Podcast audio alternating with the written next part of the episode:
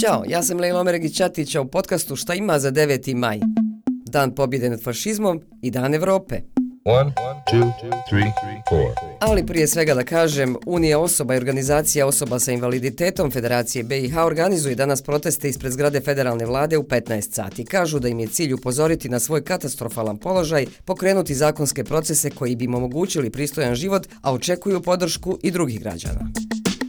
Jedan datum, dva velika praznika. Dan pobjede nad fašizmom i Dan Evrope. Prvi se obilježava kao spomen na kraj drugog svjetskog rata 9. maja 1945. kada je nacistička Njemačka kapitulirala pred savezničkim snagama. Drugi simbolično obilježava trenutak kada je 9. maja 1950. francuski ministar spoljnih poslova Robert Schuman najavio plan da rat u Evropi učini ne samo nezamislivim, već i materijalno nemogućim kroz blisku integraciju evropskih ekonomija. Gdje je Bosna i Hercegovina danas kada je u pitanju ovaj antifašistički dan? Odgovara nam književnik, dramski pisac i društveni teoretičar Igor Štiks. U Bosni i Hercegovini, a tako i u široj regiji, i dalje vidimo revizionistički narativ. On je posvuda, on je u školama, on je i dalje u imenima nekih ulica i škola. U javnom diskursu nigdje ne možemo da vidimo da zapravo smo okrenuli ne, neki drugi način, pristupili tome i to doista preuzeli kao svoju svjetlu tradiciju. Možemo vidjeti neke pokušaje, kao u Hrvatskoj, da se novčano kazni izvikivanje ustaških pozdrava. Želimo vidjeti implementaciju.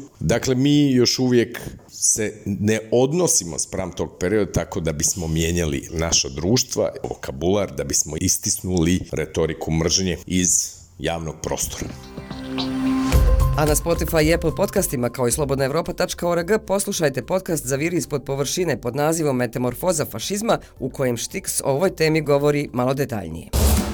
I ovo da znate, uz dan pobjede nad fašizmom u okviru zatvaranja 28. modula Memorije, u Sarajevu će nastupiti kultna slovenska grupa Laibach sa svojim muzičko-scenskim spektaklom Via Zindas Folk. A o tome u kakvim okolnostima Evropa dočekuje svoj dan i dan pobjede, Igor Štiks ocjenjuje.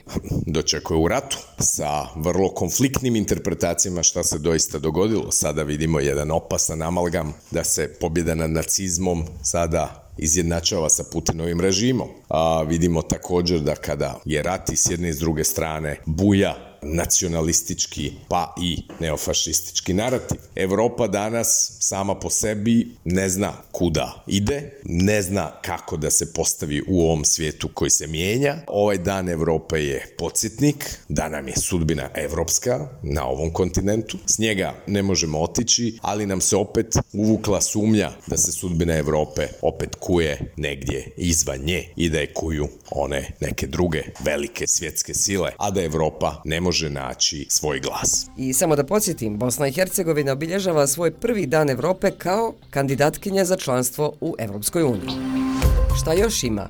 Evropska unija će konačno ratificirati konvenciju o sprečavanju i borbi protiv nasilja nad ženama u skladu s mišljenjem suda iz 21. Možda vam jeste malo čudno da Evropska unija to radi tek sad, šest godina nakon potpisivanja, ali postoji objašnjenje. Razlog je to što je nekoliko država članica to odbijalo. Međutim, kako je 21. godine sud potvrdio, Unija može ratificirati čak i ako nisu saglasne sve članice, zastupnici u parlamentu će raspravljati o tom pitanju danas i glasati sutra. A šta ima još još? Otvaranje 62. međunarodne knjižene manifestacije Sarajevski dani poezije u Muzeju književnosti i pozorišne umjetnosti BiH. Večeras, porodična i prijateljska ukupljanja uz kokice i drugu vrstu meze. Počinje Eurosong u Liverpoolu. Podsjetit ću da je nakon pobjede Kaluš orkestra u Torinu Ukrajina trebalo da bude domaćin, međutim zbog ruske invazije ne može. BBC je domaćin Eurovizije koja će se održati pod sloganom United by Music. Liverpool je dom Beatlesa, UNESCO grad muzike, Evropska predstavnica kulture 2008. a srce je i dva futbalska kluba, Everton i Liverpool. I sad ide bonus track šta ima iz Eurovizijskog domena. Peticija koju je prije otprilike dva mjeseca pokrenula dubioza kolektiv uz koju piše Crna Gora, Makedonija, Bugarska, Slovačka, Mađarska i Turska ove godine neće imati svog predstavnika na evropskom takmičenju. Kao naravno ni Bosna i Hercegovina koja već sedmu godinu zaredom ne učestvuje na Eurosongu zbog neizmirjenih dugovanja prema Evropskoj radiodifuzijskoj uniji. Dajte svoj glas kolektivnom zahtjevu da EBO omogući dubiozi kolektiv trominutni nastup i predstavljanje nepredstavljenih. Dubioza kolektiv će svirati pod sve narodnom zastavom Absurdistana.